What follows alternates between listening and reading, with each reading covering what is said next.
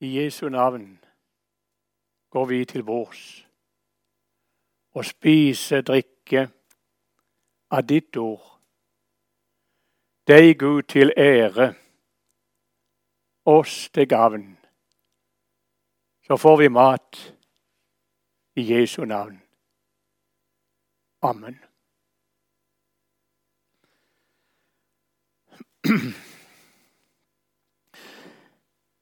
Vi nevnte det helt i starten når vi skulle til på undervisning fra Romerbrevet 1 til 8, at uh, de kapitlene så inneholder de gjerne tre hovedavsnitt. Og nå har vi vært igjennom det første av de hovedavsnittene. Det vi gjerne kaller for en, det var mange navn vi kunne sette, men læren om synd. Altså For å vise hvor nødvendig det er at vi trenger en frelser om Guds vrede et menneske under loven. Kjempeviktig. Eh, nå skal vi inn på et helt uh, nytt hovedavsnitt, som vi gjerne kaller for rettferdiggjørelse av tro.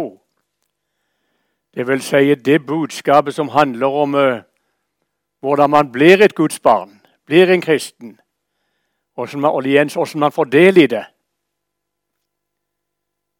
Det strekker seg fra 3.21 og så til 5.21, altså ut kapittel 5.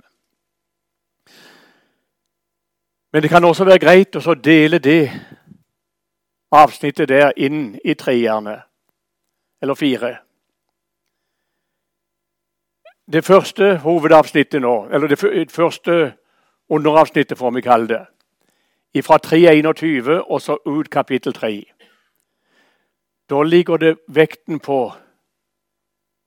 hva rettferdiggjørelse er for noe. Hva ligger det i det uttrykket? Selve grunnlaget for frelsen. I kapittel 4 der får vi også høre om rettferdiggjørelse av tro. Men der får vi nærmere innsikt i hva den frelsende tro er for noe. Hvordan man får del i det.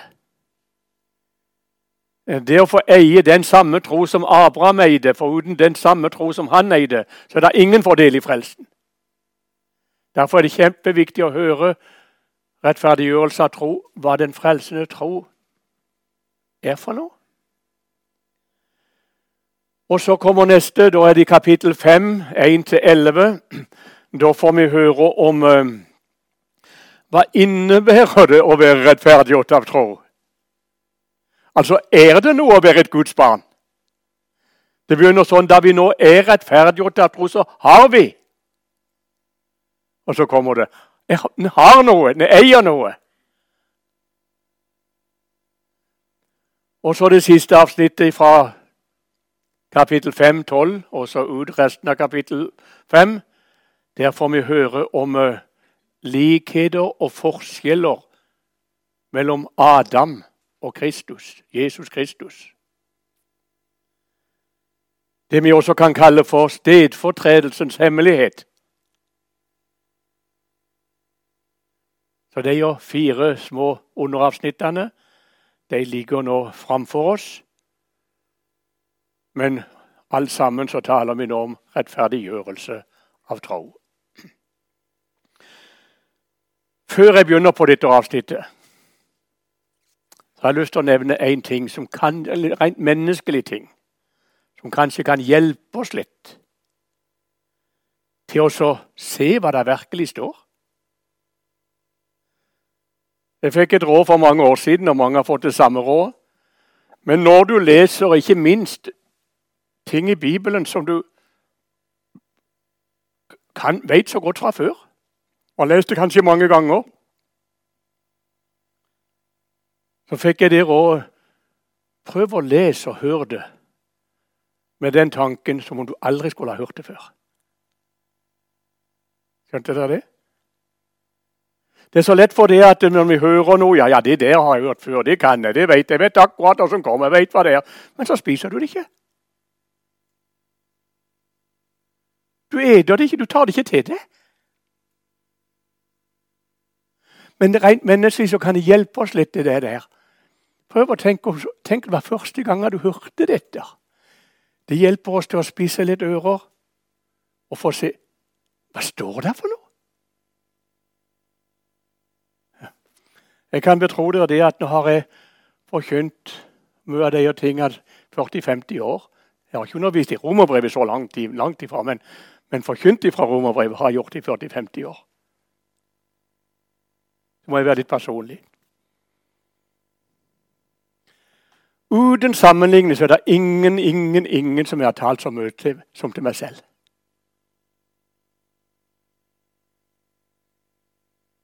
Og det er kjempeviktig for en forkynner. Det er om noen forkynner for andre, og så forkynner det for en selv.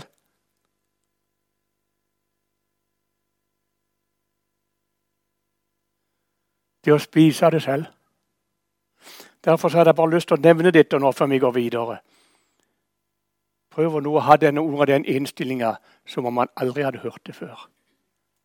På en menneskelig måte så kan det være med oss og spise litt ører for oss.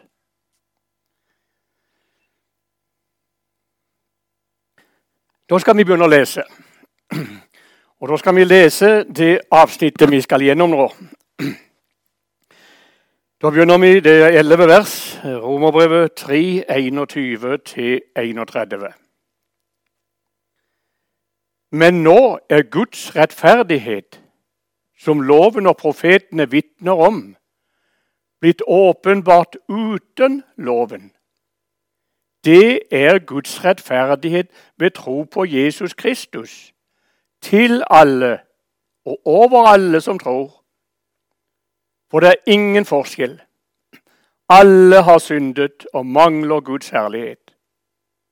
Og de blir rettferdiggjort for intet av Hans nåde ved forløsningen i Kristus Jesus.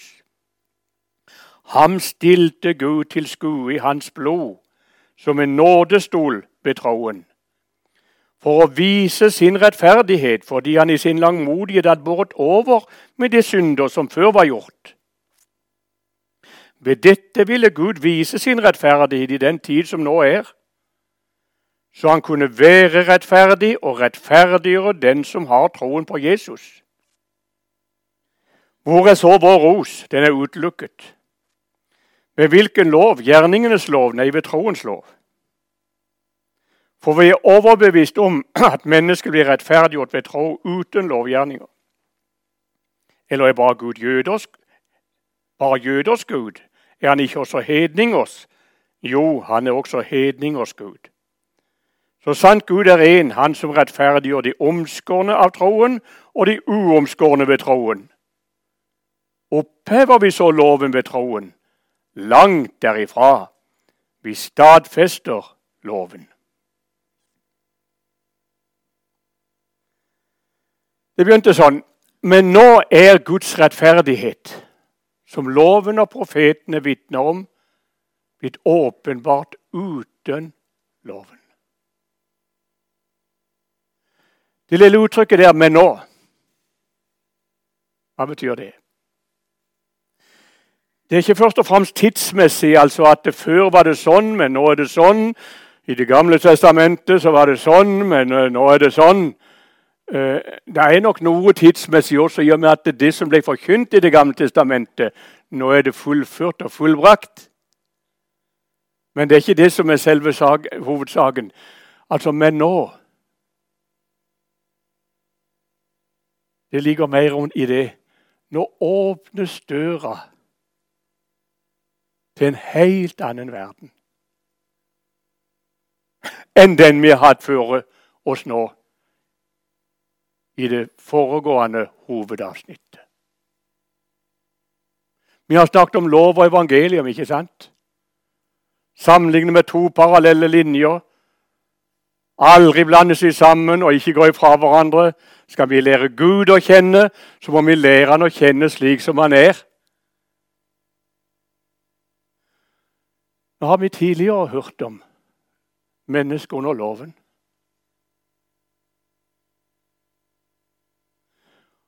Og der har vi hørt at det der finnes ingen nåde.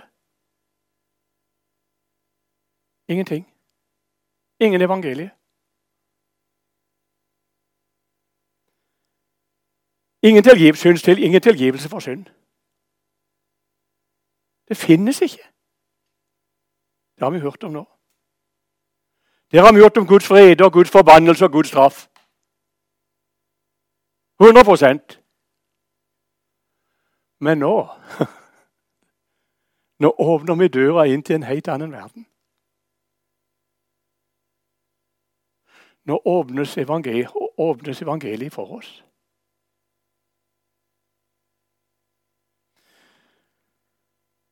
Men nå er, står det, Guds rettferdighet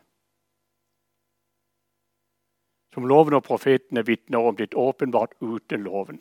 Hva betyr det uttrykket her, Guds rettferdighet? Kjempeviktig å få med seg. Det betyr ikke det at Gud er rettferdig i seg selv, for det er han. Og Det kommer lenger ut i kapittelet. Vi har allerede lest om lenger ute i, i samme versene her. Men det er ikke det det betyr her nå.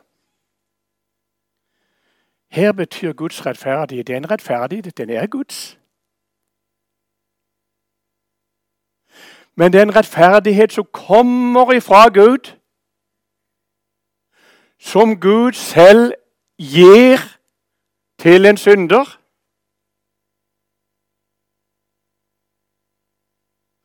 Slik at det mennesket kan bli stående for han på dommens dag, ikke gå fortapt, men leve i samfunn med han. Og begynner det livet allerede her og nå? En gang til. Guds rettferdighet, en rettferdighet som kommer fra Gud. Guds sin rettferdighet, som han gir til en synder, slik at du kan bli frelst, ikke gå fortapt, leve i samfunn med den hellige Gud. Nå står det her det at den er åpenbart uten loven. Det betyr det at uten at Gud krever noe av oss.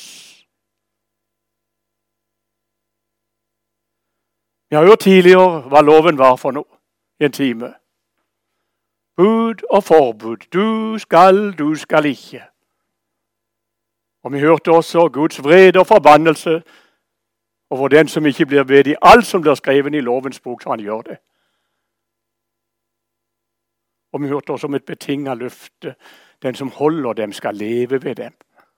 Men her betyr det her kommer Gud til dem med en rettferdighet som gjør at du kan bli frelst og stående på dommens dag uten at Gud krever det minste grann av deg og meg. Ingenting. Vi hørte det at i loven der var det ingen nåde, ingen synstilgivelse, ingenting. Guds dom, Guds frede. Men her i evangeliet her er det ingen lov. Uten loven. Ikke noe, ikke, ingenting av det at Gud krever noe av oss. Ikke noe bud. Heller ikke dette at du skal føle, du skal oppleve, du skal være, eller du skal uh, angre, du skal ditt og du skal datt. Ingenting.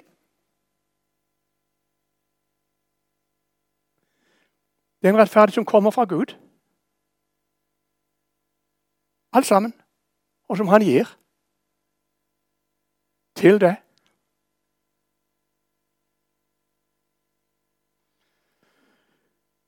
Nå sto det også det at den rettferdigheten der Så kom det et uttrykk som loven og profetene vitner om. Av og til så står de to uttrykkene sammen, loven og profetene. Eh, da betyr egentlig loven først, i første omgang Mosebøkene. altså Det ble kalt for loven. Det var der Gud også ga loven på Sinai-fjellet, det vi leser om i Mosebøkene. Men når de uttrykket henger sammen, loven og profetene Av og til står det loven og profetene og skriftene. Altså som Det gamle testamentet vitner om. Altså den Guds rettferdighet som blir gitt til en synder, slik at han kan bestå an for Gud i, i, i dommen, den vitner Det gamle testamentet om i loven og profeten. For det første så vitner den loven i Gamle testamentet om at det, det finnes en slik rettferdighet. Det er ikke noe nytt i Det nye testamentet, det. Nei. La oss ta det først. Bare, to-tre glimt. Det er mye mer enn de glimtene. Men vi har allerede nevnt det tidligere timer. Allerede på syndefallets dag forkynte Gud om kvinnens et som skal knuse slangens hode. I den ett som går ut ifra kvinnen, skal la nå komme eh, skal slangens hode bli knust. Et vitnesbyrd om Jesus selv.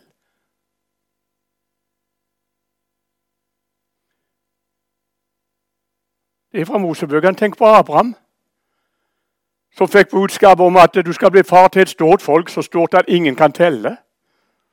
I deg skal alle jordens slekter velsignes.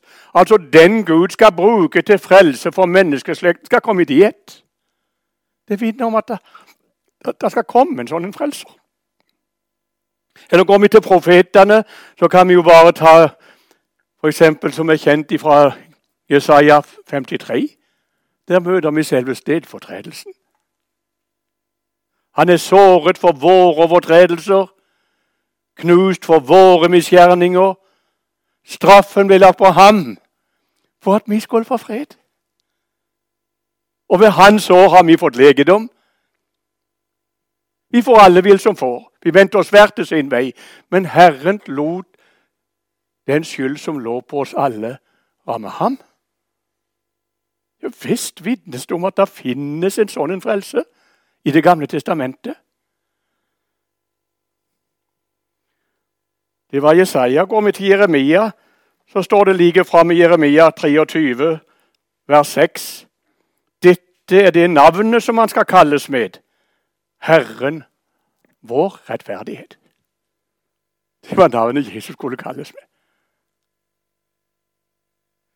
Det vitnes om altså i Det gamle testamentet det finnes en slik rettferdighet som du kan bli frelst med. Men det betyr mer. I loven og profetene, ikke, eller ikke, ikke minst i loven, da, i Mosebøkene, og ikke minst med Guds åpenbaring på Sina i fjellet, da han ga sin lov, og sine, da ga han så mange slags forskrifter. Var ikke bare de ti bud. Det var tabernaklet de skulle bygge, som senere ble tempelet. Det var en haug med forskrifter, seremonier renselsesskikker, dyr som skulle ofres. Og, og hva er alt dette her for noe? Er det fordi at Gud er så veldig interessert i flotte seremonier? Sånn at hvis vi har et kjempefint arrangement med fine seremonier, ja, da er, det, da er det stas for Gud. Ja, vi liker godt sånn og det er ikke det jeg mener, men nei, det er ikke det det handler om. Alle de seremoniene skal vise oss én ting. Gud kan ikke forlikes med synd. Helt umulig. Tenk på alle ja, La meg si det før jeg går inn på det. Jeg tror jeg nevnte det kanskje, men har jeg glemt det, så skal jeg si det om igjen. Det Gamle testamentet vitner ikke bare om at det finnes en sånn rettferdighet. Men det som vi nå skal få høre om, det er at eh, i loven der får vi høre hvordan denne rettferdigheten ser ut. Som kommer fra Gud, og som vi må ha og eie for å bli stående for Gud på dommens dag. Og det er det vi går inn på nå. Ellers hadde vi aldri visst det. Men Gud har åpenbart det gjennom forskjellige ting. Hvordan den rettferdigheten ser ut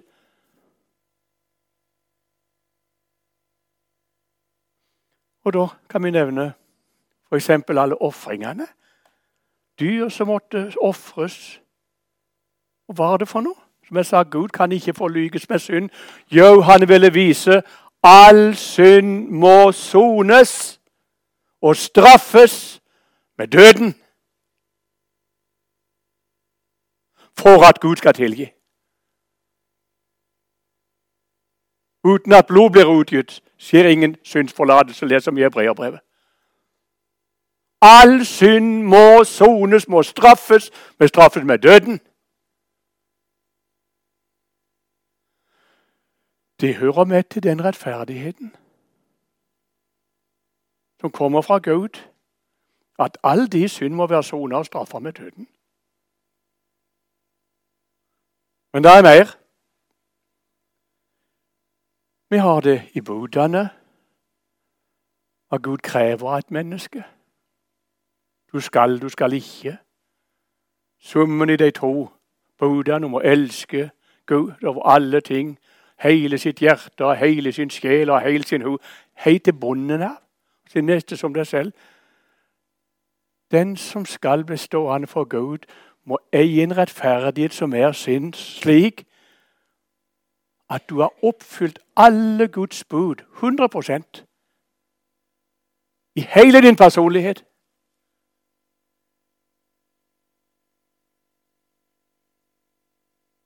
Og vi kan ta en ting til. Vi tenker på alle de renselsesskikkene. ting som skulle renses så fint. Tenk på de karene. Lysesdage, forskjellige kar som skulle bli brukt i tempelet. De måtte være gullende reine. Rense fra alt ureint. Hva er det Gud vil fortelle folket? Den som skal komme i Guds nærhet, ja, for det var jo i tempelet, eller først i tabernakelet, tempelet, der Gud var til stede. Åpenbarte seg. Den som skal komme i Guds nærhet, og ikke minst sånn som karene skal bli brukt i tempelet. Den som skal bli brukt i hans tjeneste. Den må være helt ren. Uten en eneste skitt. Ingenting. Gullende rein. Nå har vi nevnt tre ting. Hvordan den rettferdigheten ser ut. Som loven og profetene vitner om eller her særlig om loven i Mosebøkene. Den rettferdighet som kommer fra Gud, som Gud gir til en synder, slik at du kan bli stående på dommens dag. Der må all de synd være straffa med døden. Der må du ha oppfylt 100% alt hva Gud krever av et menneske på denne jord, og helt til bunnen av ditt innerste menneske. Og skal du komme i Guds nærhet, og skal du bli brukt av Han i hans tjeneste, så må du være gullende rein. Hør. Slik ser den rettferdigheten ut. Der Gud ikke krever noe av det og meg. Men som kommer ifra Gud, og som Gud selv gir.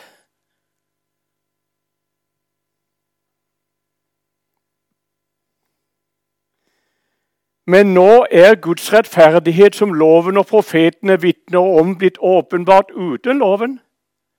Og så kommer det videre. Det er Guds rettferdighet ved tro på Jesus Kristus.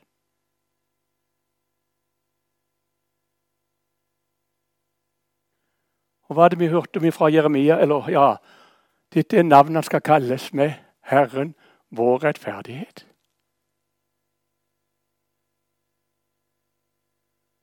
Den rettferdigheten er Jesus selv, som kommer fra Gaud. I Han Der er all de syns sona og straffa med døden. På Golgata kors. I Han som har oppfylt alle Guds bud. Prøvd de alltid i likhet med oss, dog uten synd. Vi hørte litt om det i forrige time på slutten. Gud har fått alt hva han krever av et menneske. I Han Der er det. Og i Han skal jeg også få være rensa fra absolutt all den synd som henger fast med meg, og som bor i meg. Fullstendig rensa og rein. Jeg kan komme i Guds nærhet. Jeg kan sitte her og bli brukt av Han i Hans tjeneste. I kraft av den rettferdigheten som kommer fra Gud. Og bare den.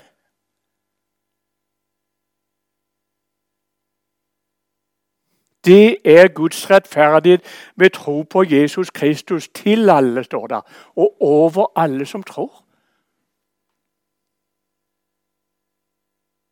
Den rettferdigheten der, den er til alle. Den er ferdig for alle. He hele menneskeslekten fra Adam av, hvert eneste menneske. Den er til alle.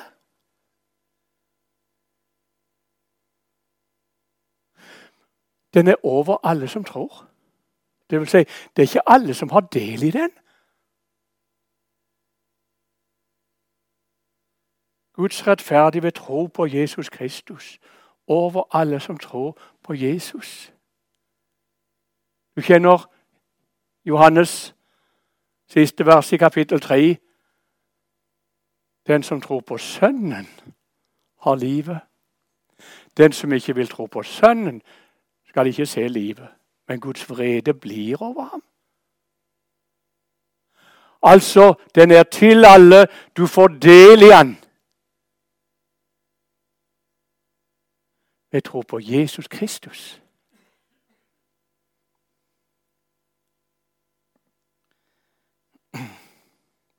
For det er ingen forskjell. Alle har syndet og står uten ære for Gud, sto det før. Her står det uten herlighet, men det betyr det samme. tar vi uttrykk for uttrykk. For alle har syndet. Det er ingen, først etter det er ingen forskjell. Ja, vet, oss mennesker imellom så det er jo kjempeforskjell på oss. Og Går du ut i denne verden, så er det jo kjempeforskjell på mennesker. I samfunnslivet. Og, og, og godt er det at det er ikke hele syndenaturen som bryter løs i hvert menneske. Paulus sier også det at han, han under noe å rose seg, så hadde han enda mer som menneske. Sammenlignet med andre. Men saken er det er ingen forskjell når det gjelder det vi står overfor Gud. For saken er det alle har syndet. Alle. Og alle står på nederste hølle.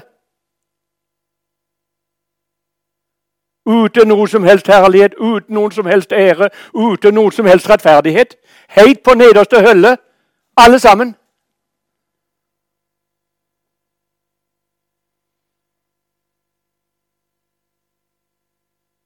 Nå spør jeg deg Har du noen gang i møte med Guds ord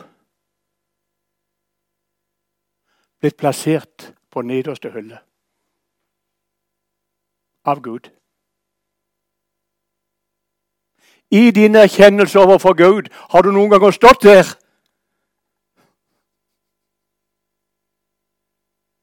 Sammen med det ugudelige.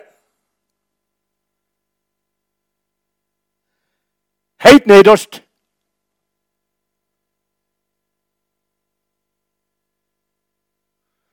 For å være litt personlig sier det på en litt underlig måte. Det er to plasser Gud har plassert meg i livet. Og jeg takker Gud for de begge to. Aller mest takker jeg for at han plasserte meg i Kristus Jesus. Der får jeg lov til å leve, der får jeg lov til å bo, der får jeg lov til å være. Men saken er den han plasserte meg også et annet sted. Og de takker han for. Han plasserte meg på nederste hullet i min erkjennelse overfor Gud. Som en ugudelig, som en med ryggen imot han. Ikke bare av skal jeg si, for noe verslighet og slike ting, men midt i min gudsfrykt av Der fantes det ingenting. Jeg takker Gud for at han med sitt ord og med sin ånd plasserte meg der. For, saken er en, alle har syndet og står uten ære for Gud. Og de blir rettferdiggjort. Uforskyldt av Hans nåde. Et fint uttrykk som vi kaller for eksklusivt, ikke sant? Dette er eksklusivt. Det er de og ingen andre. Betyr det egentlig. Det er de som står der uten noen rettferdighet, uten noen ting. Det er de som blir rettferdiggjort. De som har noe for ingenting.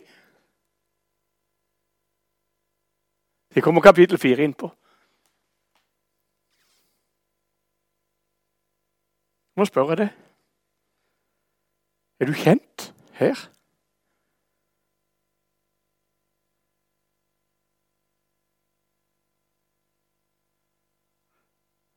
Jeg kommer på en tanke. Jeg hadde ikke tenkt å ta det med, men tar det med allikevel. Det var et ektepar som ble møtt til hjelp gjennom hele livet til de døde. De het Åsta og Kåre. Hjemme på Flekkerøya. Jeg var ungdom. Jeg var med i alt, jeg gikk på alle møtene som tenkes kan. Det var, var, det, var det som var livet for meg i grunnen, helt fra jeg var liten. Jeg var med hjelpeleder og yngre, så og så forteller oss det, eller det var Kåre som fortalte det, men iallfall var det noen som hadde sagt, da jeg gikk der som en 15-åring Jeg skal si det er noe alvorlig med han Knut. Vet du hva Åsta sa? Hadde svart. Ja, sa hun, han har ikke møtt seg selv ennå.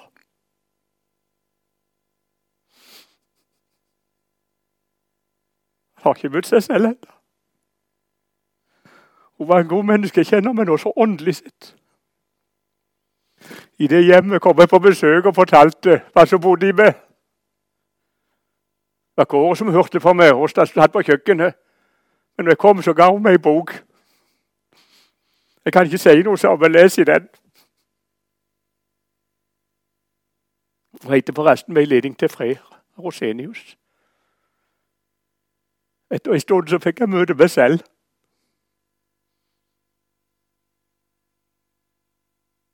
Ikke bare det at jeg tapte mot synda fullstendig, men også det at det fantes ikke noe, noe anger og noen ting som var noe hold i noen ting. Sto med ryggen imot Gud, den alvorlige.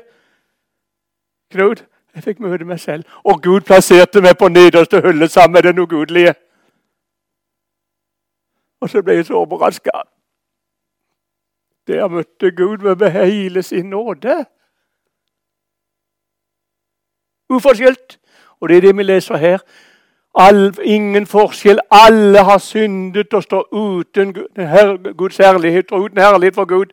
Og de Vi kommer tilbake til Rom i kapittel 4 Gud rettferdiggjør den ugudelige. De blir rettferdiggjort. Uforskyldt av Hans nåde ved forløsningen i Kristus Jesus. Og Da er vi tilbake til det uttrykket, inn på det uttrykket de blir rettferdiggjort. Hva betyr det uttrykket der? Vi må ta det nøye nå. når vi... Kanskje det siste vi tar i denne timen. Hva betyr det å bli rettferdiggjort? Egentlig et uttrykk som er henta fra rettssalen, fra rettsspråket. Hva skal til for at en, eh, en rett og en dommer og avsigelse rettferdiggjør et menneske? Ser du for deg et menneske som er anklaget for noe, blir stilt for retten? Og så skjer det at alt det som kommer fram i retten Vitner og alt sammen, det forteller det at denne mannen har ikke gjort det han er anklaget for. Han har ikke. Han er fullstendig uskyldig. Da rettferdiggjør retten eller domsavsigelsen den personen. Han har aldri gjort det. Han er, han er fri. Feller den dommen, den mannen er rettferdig med tanke på det han er anklaget for. Da blir den mannen rettferdiggjort og kan gå glad ut igjen. Han visste jo om det, han var rein. Men da spør vi hvordan kan Gud så rettferdiggjøre den ugudelige? Alle har syndet, og de blir rettferdiggjort. Hvordan kan Gud felle en slik en dom over en ugudelig? Han har aldri gjort det. Han er uskyldig. Det kan ingen menneskelig rett gjøre. En menneskelig rett kan la nåde gå for rett, som vi sier. altså at Han, han blir benåda. Han hadde egentlig gjort det, men nå, nå var vi greie, men nå ble han benåda. Det kan en menneskelig rett finne på. Men det er ikke det som skjer i rettferdiggjørelsen. Det er som en tilsnikelse sånn. Du skulle egentlig ha vært dømt, men nå skal vi være greie med det. Du skal slippe å gå fortapt allikevel. Det er ikke sånn. Nei. Gud rettferdiggjør.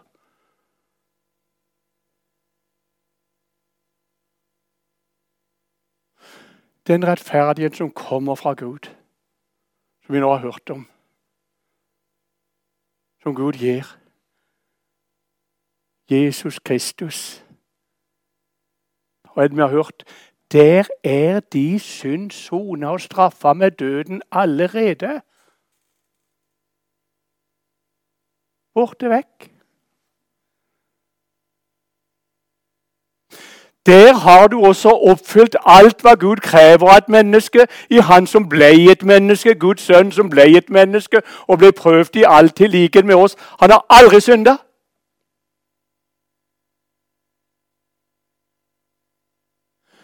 Derfor kan Gud rettferdiggjøre den ugudelige på grunn av Jesus Kristus. Han som er vår rettferdighet. Og Vi bruker uttrykket og sier at rettferdiggjørelse det er noe som skjer i Guds hjerte. Det Det er ikke noe du og vi kan se, føle, oppleve. Det er Gud som i sitt hjerte, i det et menneske på nederste hølle innser Jeg har ikke sjans, men i ditt menneskehjerte vender seg mot Jesus, så skjer det noe i Guds hjerte Han fraregner han all ditt synd. Han tilregner han alt hva Jesus er og har gjort, og alle herligheter og rettigheter som han har hos Gud. Rettferdiggjørelse er altså noe som skjer i Guds hjerte, der han fraregner det alt hva du er og har gjort, og tilregner det alt hva Jesus har gjort. Da kan Gud felle den dom over det. Han har aldri synda. Han er helt rein. Ja, men synda, den er død begravd. Og Gud har enda lovt i frelsespakten, i nådepakten, i rettferdiggjørelsen Der har enda Gud lovt å aldri komme de synd i hu. Slå den. Jo, han vet om våre synder. Av og til minner han oss, for la han oss, oss få lov til å oppleve det og se det. Men i frelsespakten i rettferdiggjørelsen. Der har han lovt aldri komme din synd i hu i det hele tatt. Det finnes ikke fnugg som vekker hans mistanke om synd. Gud feller den dom. Han har aldri synda. Han har rett på himmel og salighet. Han er fullkommen og rein. Gud plasserer deg i Kristus.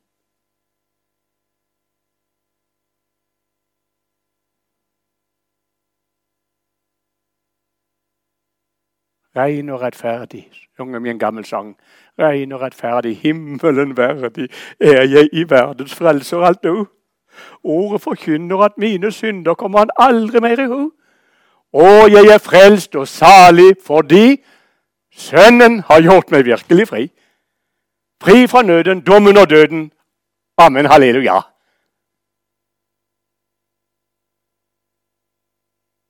Og vi sier en gang til. Punktum. Amen.